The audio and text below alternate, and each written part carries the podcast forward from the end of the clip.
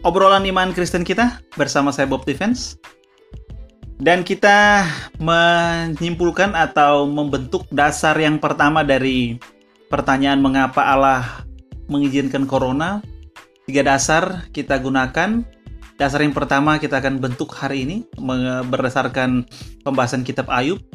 Dan ada sedikit dari the bottom line of the bottom line Ayub yang akan kita bahas dan kemudian kita akan eh, ke dasar yang pertama kita mengapa Allah izinkan Ayub um, menderita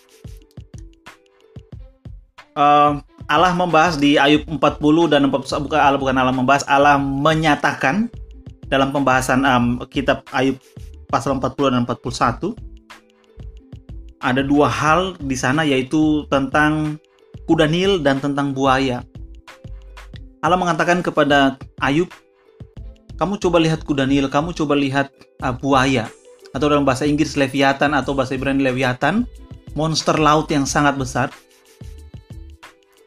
Kuda Nil dan buaya atau leviathan ini itu adalah jenis binatang yang sangat kuat yang tidak bisa dijinakan oleh manusia. Bahkan sampai hari ini pun tidak ada uh, kita yang bisa menjinakan.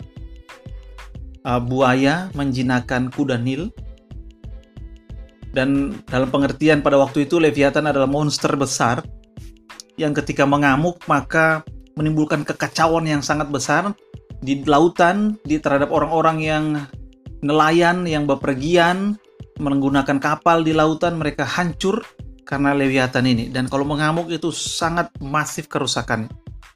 Allah ingin mengatakan bahwa hal-hal yang kacau, hal-hal yang mengamuk bahkan seperti bencana yang mengamuk bahkan seperti penderitaan yang tidak bisa dikendalikan manusia. Hal-hal itu menurut Allah Allah menyatakannya kepada Ayub, aku yang ciptakan, aku ciptakan kuda Nil, aku ciptakan buaya, aku ciptakan lewiatan, aku pula yang menciptakan bencana, aku pula yang mengadakan penderitaan manusia.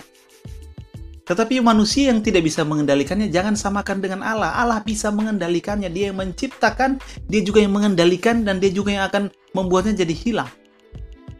Dalam hal ini Allah menyampaikan bahwa aku maha kuasa. Aku bukan manusia. Dan dari pernyataan itu dan yang pembahasan yang kemarin kita dapat menyimpulkan bahwa Allah itu adalah Allah yang maha kuasa.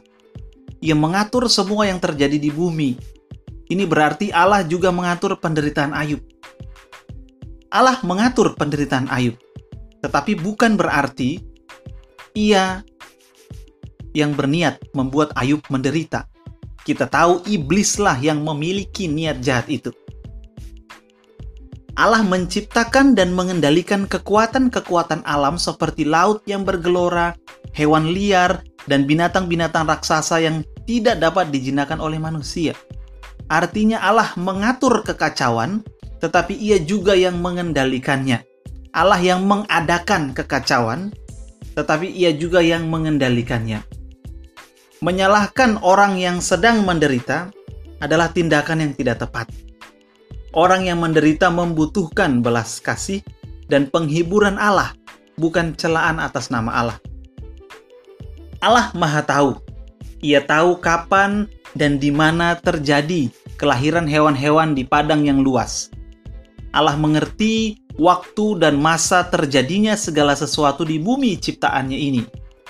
Hal itu berarti Allah juga tahu waktu terbaik bagi manusia untuk mengalami hal yang baik ataupun hal yang buruk, seperti penderitaan. Orang yang menderita juga orang yang membutuhkan kebenaran Allah.